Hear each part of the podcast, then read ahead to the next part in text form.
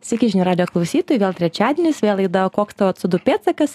Su jumis sveikinuosi aš, laidos vedėja Rimo Aukštolytė ir mano šios dienos svečias Donatas Kūras, tvarumo ir komunikacijos ekspertas. Labas, Rima. Labas, Donatai. Donatai tikriausiai esi vienas iš tų nedaugelio žmonių, kurie viešai gana aštriai kalba apie tvarumą ir nebijo taip kalbėti.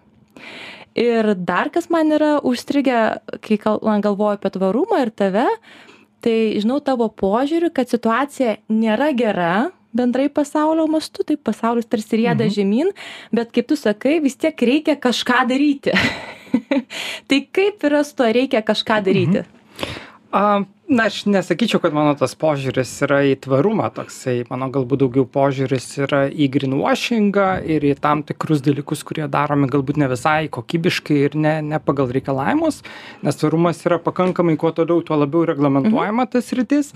Ir taip faktas, kad na, mes galime matyti iš šios vasaros orų turbūt net nereikia domėtis specialiai tvarumo temomis ar klimato kaitos temomis ane? Mes matome kad jau ir nacionalinė žiniasklaida kiek apie tai kalba.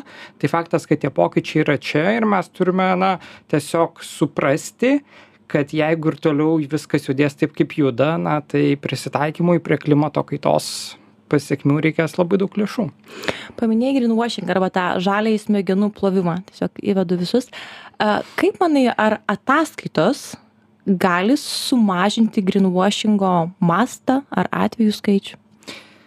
Turėtų.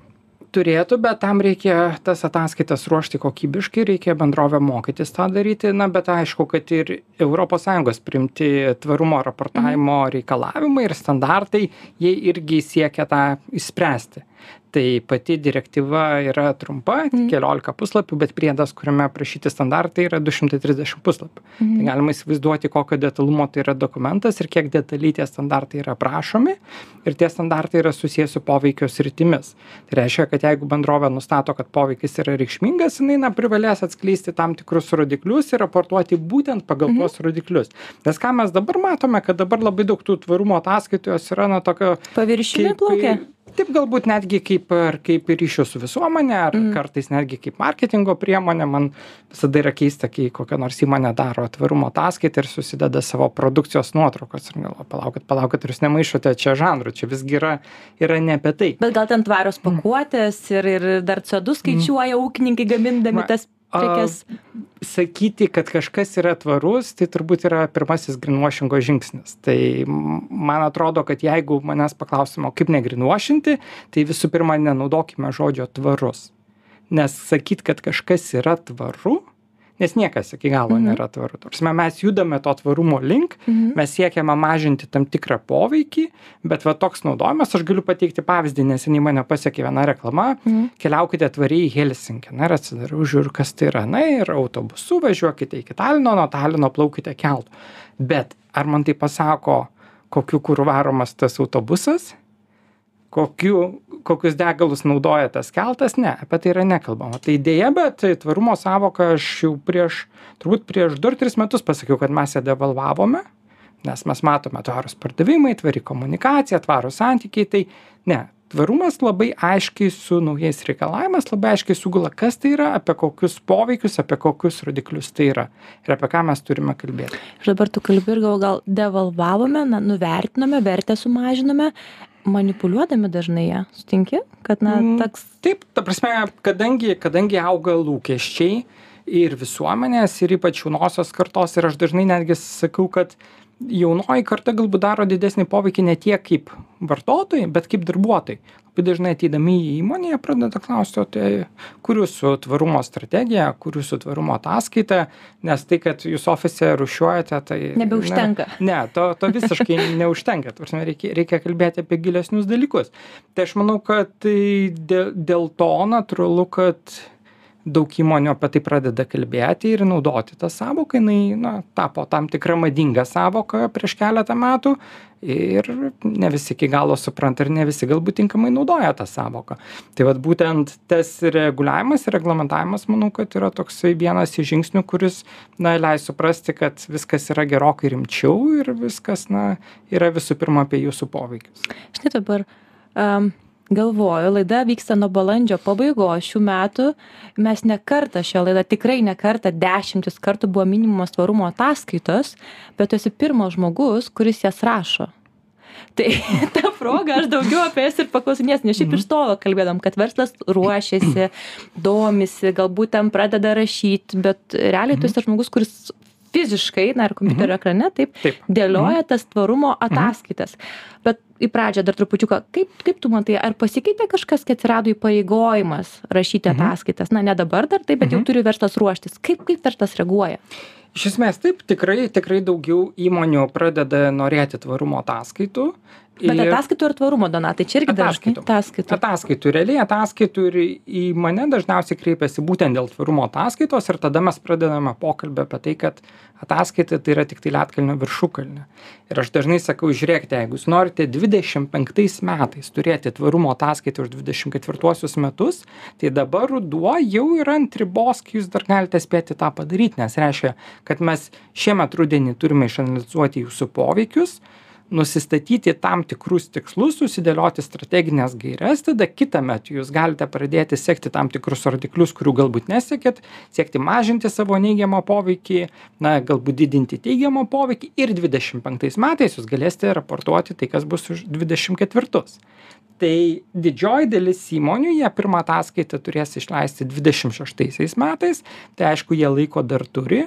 bet daryti pir- pasimokyt iš kitų klaidų laiko Taip, turi bet, taip bet daryti pirmą ataskaitą pagal reikalavimus, na jau bus pakankamai sudėtinga ir didelis iššūkis. Dėl to aš sakau, kad geriau pradėti jas daryti šiek tiek ankstėliau. mankštintis Ne- taip raumenis taip. auginti Taip, rašant ne, ne, ataskaitas nebūtinai pagal europinius reikalavimus galima, galima darytis pradžioje, kadangi tie reikalavimai jie na, yra ongoing, galima sakyti. Ne, yra kaip ir, ir primti reikalavimai, bet yra rengiami šalia dokumentai, kurie aiškina tam tikras nuostatas. O kaip pavyzdys, ne, ne, ši- neseniai išėjo 50 puslapių dokumentas, kuris aiškina, kaip turėtų būti taikomas dvigubo reikšmingumo principas.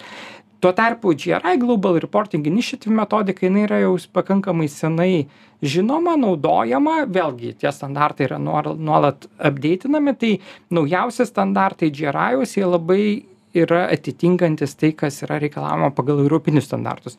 Dėl to dažniausiai dabar įmonės, jeigu kreipiasi, tai jos kreipiasi su prašymu ne tiesiog parengti tvarumo ataskaitą, bet parengti tvarumo ataskaitą pagal GRI metodiką, kas yra geras pasirengimas ir, ir, ir geras toksai pratimas.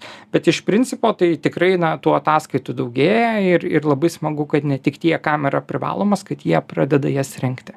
ir dabar dar pagalvojau kad jeigu yra skirtingos metodikos taip tai ir tam pačiam vartotojui yra sunku nes tai kuri ta įmonė yra tvaresnė ar kuri galbūt metodika yra geresnė kuri geriau išmatuoja tvarumą kodėl tų metodikų yra daug kodėl negali būti vienos metodikos ir visiems būtų aišku Mhm. Tai turbūt ES ir buvo toksai tikslas na, pa- padaryti tokius aiškesnius, vieningesnius standartus. A, turbūt problema yra ta, kaip na ir su daugeliu ES teisės aktų, kad ne, ne visada jie yra iki galo aiškus ir kas. tarpusavėje tam, tam tikrų prie, prieštarų ir kartais na, gali paskaityti taip, kad realiai jeigu tavo tie visi poveikiai nėra reikšmingi, tai tu nieko ir neprivalai. Tai bus labai daug tokios, na ir praktikos, ir interpretacijų dalykų, bet kalbant apie tai, kaip vartotojų suprasti, tai aš sakyčiau, na labai paprasta. Žiūrėkite, ar, ar ten kalbama apie esminius poveikius ir ar yra rodikliai, ar yra pateikiami stabdysiu skaičiai. tave čia dabar išvers ką reiškia esminiai poveikiai Mhm. Tai šiuo atveju, kalbant apie poveikius, tai yra, na, kokius įmonė turi poveikius aplinkai ir socialinius poveikius. Tai gali būti labai įvairūs. Tai oro tarša, poveikis klimato kaitai, atliekų susidarimas, dirbožėmio tarša, vandens tarša, tarkim, socialiniai poveikiai, tai gali būti poveikis mūsų darbuotojų sveikatai, mūsų darbuotojų kompetencija, apskritai darbuotojų gerovė, na, rūpesti žmogaus teisėmis ir panašiai. Tai ar įmonė iš esmės juos yra identifikavusi, ar jinai juos supranta ir ar turi tikslus? Nes labai dažnai, jeigu mes skaitome ataskaitą ir ten nėra skaičių, nėra, nėra aiškių rodiklių, nėra jų dinamikos, tai greičiausiai reiškia, kad na, įmonė turbūt neturi strategijos ir nėra nusimačiusi, kaip mažinti savo neigiamus poveikius. Tai vad jeigu yra pateikiami tikslai, jeigu yra pateikiami tam, tam tikri rodikliai ir dinamika, aišku, kad na, tvarumas nėra tik tai apie na buvo tokia iniciatyva sodinome medžius ten rūšiavome mažinome popierių kažką. Ne tiesiog tiesiog na tai yra tokios iniciatyvos. Šiuo atveju tvarumas jis iš esmės vat pagrindinis žodis kalbant apie tvarumą yra poveikis tuo tarpu mes kalbam apie įmonės poveikius tai yra vienas aspektas bet naujoji direktyva jinai įveda dvigubo reikšmingumo aspektą. Tai reiškia kad šiuo atveju įmonė turi raportuot ne tik tuos dalykus kur yra jų poveikis bet ir tuos veiksnius kurie gali turėti poveikį įmonei Mhm. finansinį poveikį. Tai gali būti tam tikros rizikos arba tam tikros galimybės. Na kaip pavyzdys jeigu klimato kaita ane ir įmonė yra įsikūrusi kur nors pajūryje tarkim ir turi fizinius objektus dėl kylančio vandens jūros lygio gali būti poveikis. Arba mes ką matėme šiemet ane yra didžiulė kruša kur vėlgi na tai gali būti didelis poveikis tarkim pasėliams ir ir panašiai. Tai įmonės turės išmokti vertinti ir analizuoti tuos dalykus ir tai yra gerai nes galbūt tokiu būdu jos bus priverstos suprasti kad na tai nėra tai kad klimato kaita veikia tiktai ten maldyvus kokius nors kurie nuskęs ar veneciją ane bet kad bet kad tai gali veikti ir mano įmonę Žinai, toks žodis priverstos suprasti, reglamentavimas, botago principas. Iš esmės taip, nes e, kol tai yra savanoriška, na aš pirmoji ataskaita, prie kurios man teko darbuotis, buvo 2007 metai, tai buvo įmonė Teo, tada dar vadinosi dabar Telija. Ir tai atėjo iš, iš Skandinavijos, iš motininės jų įmonės ir jie labai aiškiai suprato ir kalbėjo apie, apie tuos Jau dalykus. tada, Taip, 2007 Taip, metais. bet Mhm. tokių įmonių buvo pakankamai nedaug ir po to, na, buvo finansų krizė, buvo galbūt kiti prioritetai. Mhm. Ir tas tvarumas, tada net nebuvo tos savokos, buvo naudojama daugiau socialinės atsakomybės savoka, na tai ir buvo suprantam kaip tam tikros iniciatyvos nice to have, šiuo atveju ne. Prasme, jeigu ES turi žalį kursą, kur labai aiškiai yra nustatyti tikslai iki 2030 sumažinti 55 procentais CO2 emisijos, iki 50-ųjų būti climate neutral, tai reiškia, kad įmonės turės keistis ir transformuotis. Ir va tie europiniai reikalavimai, na, ben- bendroji dalis, antrasis, antrasis ats- atskleidimas, būtent bendrieji, bendrieji atskleidimai, jie labai daug kalba apie įmonės strategiją, apie įmonės verslo modelį, apie rizikas, galimybės. Tai reiškia, kad šie aspektai, jie skatins įmonės iš esmės transformuotis, nes tikslas yra ne tiesiog informacijos atskleidimas, bet tikslas, reguliacinis tikslas, politinis tikslas yra skatinti įmonių transformaciją tvaresnių link. Šiaip, Donatai, galiu pasakyti, kad aš tave tiek dažnai citavau šioje laidoje, neminėdama, kad tai tavo autoristė, bet tavo savoka man yra užstrigus, kad tvarumas tai nėra komunikacija, tai yra matematika, mhm. tai skaičiavimai. Ir aš nuolat tikrai miniu šitą, nes tai yra apie tai. Tvarumas yra apie skaičiavimus, pačius įvairiausius. Neseniai LinkedIn savo paskyroje m, analizavai, jeigu galima taip sakyti, mhm. vieną iš tvarumo ataskaitų Lietuvos mhm. įmonių galima sakyti Lietuvos, taip. Um, atsiremdamas į tai ir į tą faktą, kad tikrai skaitai ir kitų tvarumo ataskaitas, ar gali dar va taip, na, glaustai pagrindinės klaidas, kurios yra Mhm. daromos. Jau minėjai, kad ten produktus savo sudeda taip, galbūt poveikio nematuoja, bet gal dar gali Mhm. glaustai koncentruotai sudėlioti akcentus. Iš esmės taip, galbūt dar vienas papildomas dalykas, na tai, kaip minėjau, žanro tas su- sumaišymas, nebuvimas skaičių, neskleidimas konkrečių tikslų. Bet gal neturi įmonės dar skaičių? Žinai, dar, dar tas pasiruošimo Mhm. etapas, kaip manai? Aš manau, kad tam tikrus, taip, ne visus skaičius įmonės turi ir, ir kartais yra keista ir tu diskutuoji su įmonė ir sako, o čia toks rodiklis, o kodėl jis yra svarbus, žiūrėk, na, koks nors darbuotojų vidinės karjeros rodiklis šiaip tai yra svarbus, nes jis gali matuoti jūsų personalo efektyvumą. Tai bet vėlgi, kas labai aiškiai yra, na, tvarumas, taip, tai yra matematika dėl skaičiavimo, bet iš esmės tvarumas yra verslo valdymas. Reiškia, kad kai mes darome tvarumo strategiją, mes iš esmės padarome tam tikrą tokį minkštą įmonės veiklos auditą ir tam tikrose vietose per tam tikrus rodiklius, kurie yra pasiūlomi ir dažnai sako, nu gerai, nu jeigu čia reikia raportuoti, nu tai galima pradėti skaičiuoti. Dažnai įmonė supranta, kad tai yra rodikliai, kurie gali padėti tiesiog veikti efektyviau ir turėti kažkokį tai didesnį, didesnį poveikį toje vietoje.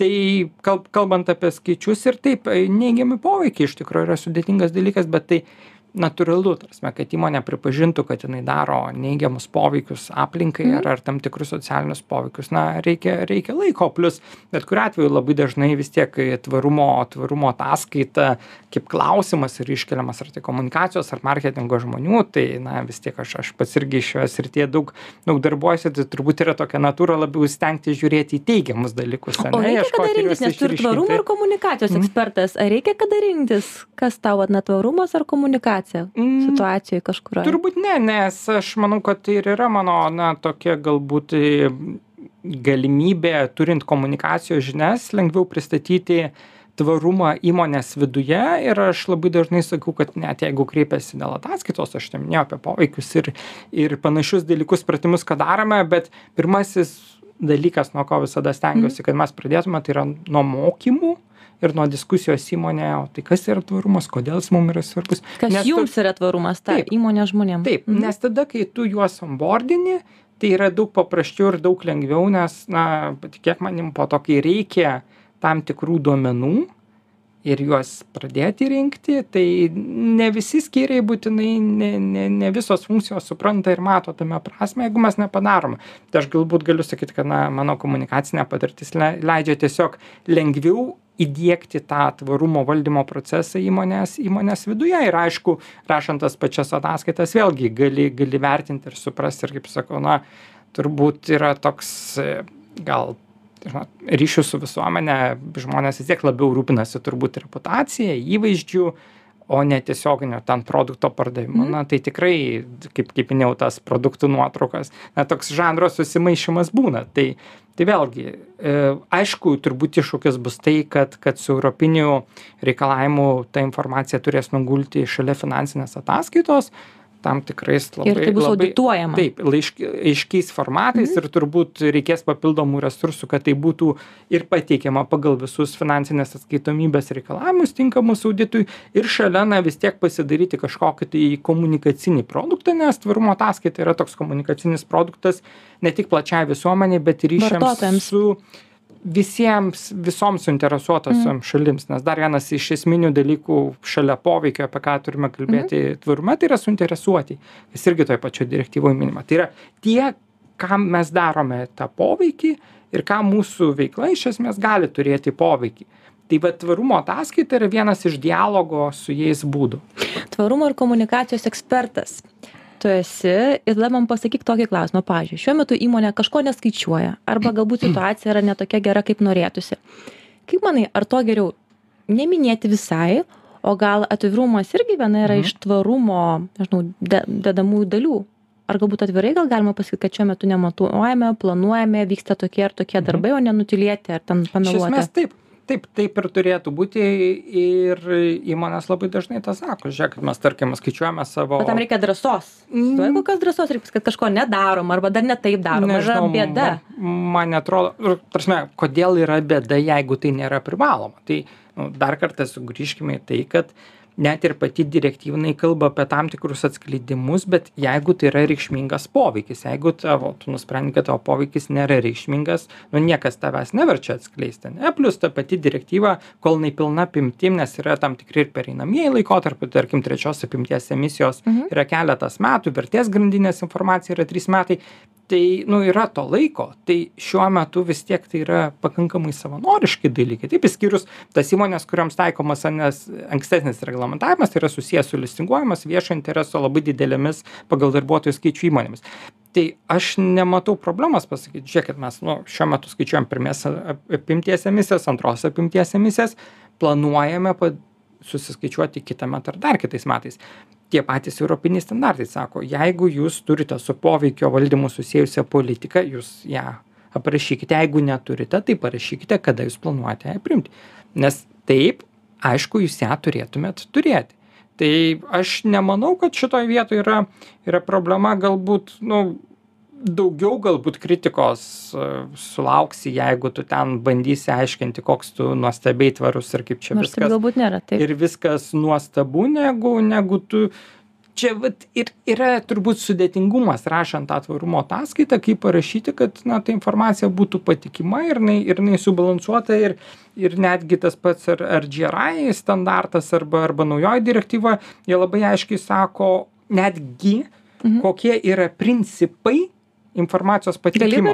ir sako kad informacija turi būti aktuali jinai turi būt teisinga kas reiškia kad jinai turi būt išsami neutrali tai reiškia nu neu neutr neutralus tonas tiksli palyginama galima patikrinti aiškiai suprantama.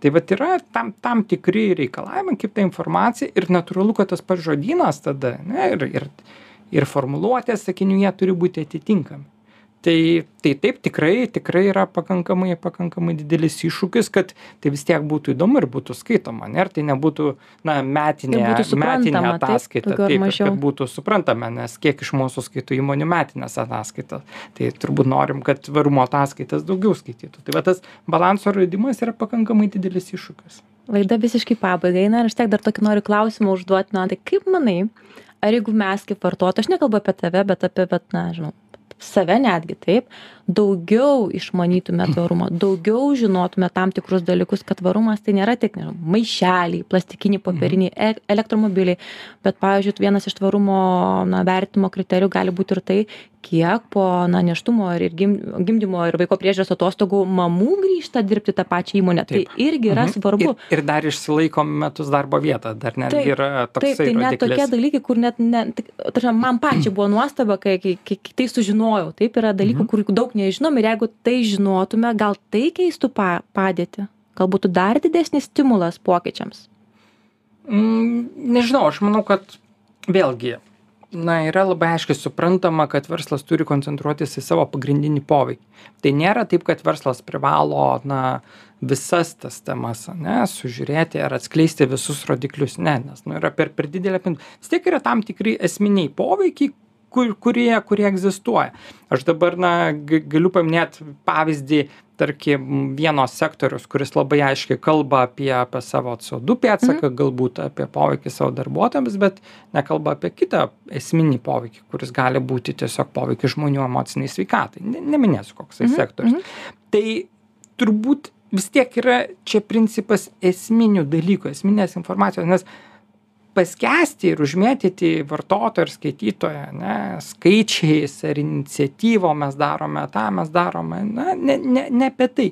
Vis tiek yra apie, apie, apie esminius dalykus, bet aš šiaip iš principo nelabai mėgstu tos atsakomybės permetimo vartotojui ir dažnai manau, kad tai yra toks, na, verslo pasakymas. Nu, tai mes darytume, bet tai čia vartotojai tada. Nesutinka mokėti ir Taip, ar nepirks ar kažką ir aš pas kolegą Giedrių kitą Mhm. temą kalbėdamas sakiau, žiūrėkit, o kas trukdo kuriam nors prekybos tinklui atsisakyti vienos įmonės Taip. produkcijos? Kas?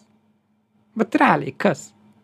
Eis vartotojas neradęs ten tų koldūnų į, į kažkur kitur ir prarasti klientą, nu neprarasti jūs to kliento. Tai, nu, vat yra, yra, yra tokie. Bet įvaizdį sprendimai. pasigerinti galite. Taip, galite. tai, tai tvarumas turbūt apie tai ir yra, nu, ar people, planet, profit, ne? Yra, yra tas 3P, tai kuo, kuo dažniau verslas galvos ir apie, apie kitus dalykus, tai tas bus svarbu. Tik aš labai, na. Apie kitus dalykus, ne tik pelną. Taip, ir aš labai noriu. labai irgi, kad- geras akcentas. Kad, kad, kad neliktų toks įspūdis, kad čia viskas pas mus blogai. Tikrai yra daugybė įmonių ir daugybė verslų, kurie nuo pradžių yra kuriami kaip tvarus ir jiem yra daug paprasčiau, nes jie patį verslo modelį renkasi tokią. Ne? Ir, ir jiem nu savaime suprantama ir santykiai su darbuotojai, ir aplinkos dalykai, ir jie netgi sprendžia tam tikras tvarumo problemas. Tai natūralu, kad tam tikros įmonės, kurios galbūt na, yra dar ten 20, 30, 50, 70 metų patirtį planinės ekonomikos, jom nėra taip lengva prisitaikyti. Ir ta prasme, mes negalime ant jų pykti, bet vėlgi, na, tai turbūt yra ir įmonės vadybos ir, ir vadovų tam tikras suvokimas, kad, na, po 5 ar 10 metų taip negalės būti. Ir reikia pradėti kažką daryti ir juo labiau, kad ateina ir europiniai pinigai tam. Na, tai pasižiūrėkime, kiek yra skatinama vėjo energetika, saulės energetika, nes dekarbonizacija yra vienas iš Mhm. tikslų. Vis daugiau kalbam apie vandenilio pro, projektus. Tai tikrai nėra taip kad sąjunga pasakė žiūrėkit jūs turite čia būt visi tvar nes yra suprantama kad nu prasme sąjunga vis tiek turės išlaikyt konkurencingumą dėl to netgi tie patys reikalavimai jie bus taikomi įmonėms kurios nėra sąjungos bet nori čia turėti verslą ir kita vertus pavyzdžiui jeigu jau dabar yra importuojamos tam tikros specifinės žaliavos jau yra prašoma co du duomenų tai reiškia kad na europos sąjunga supranta kad jeigu jos verslai nes trumpuoju laikotarpiu taip tvarumas na aš ne nesakau kad jis kainuoja aš galbūt sakau tai yra investicija.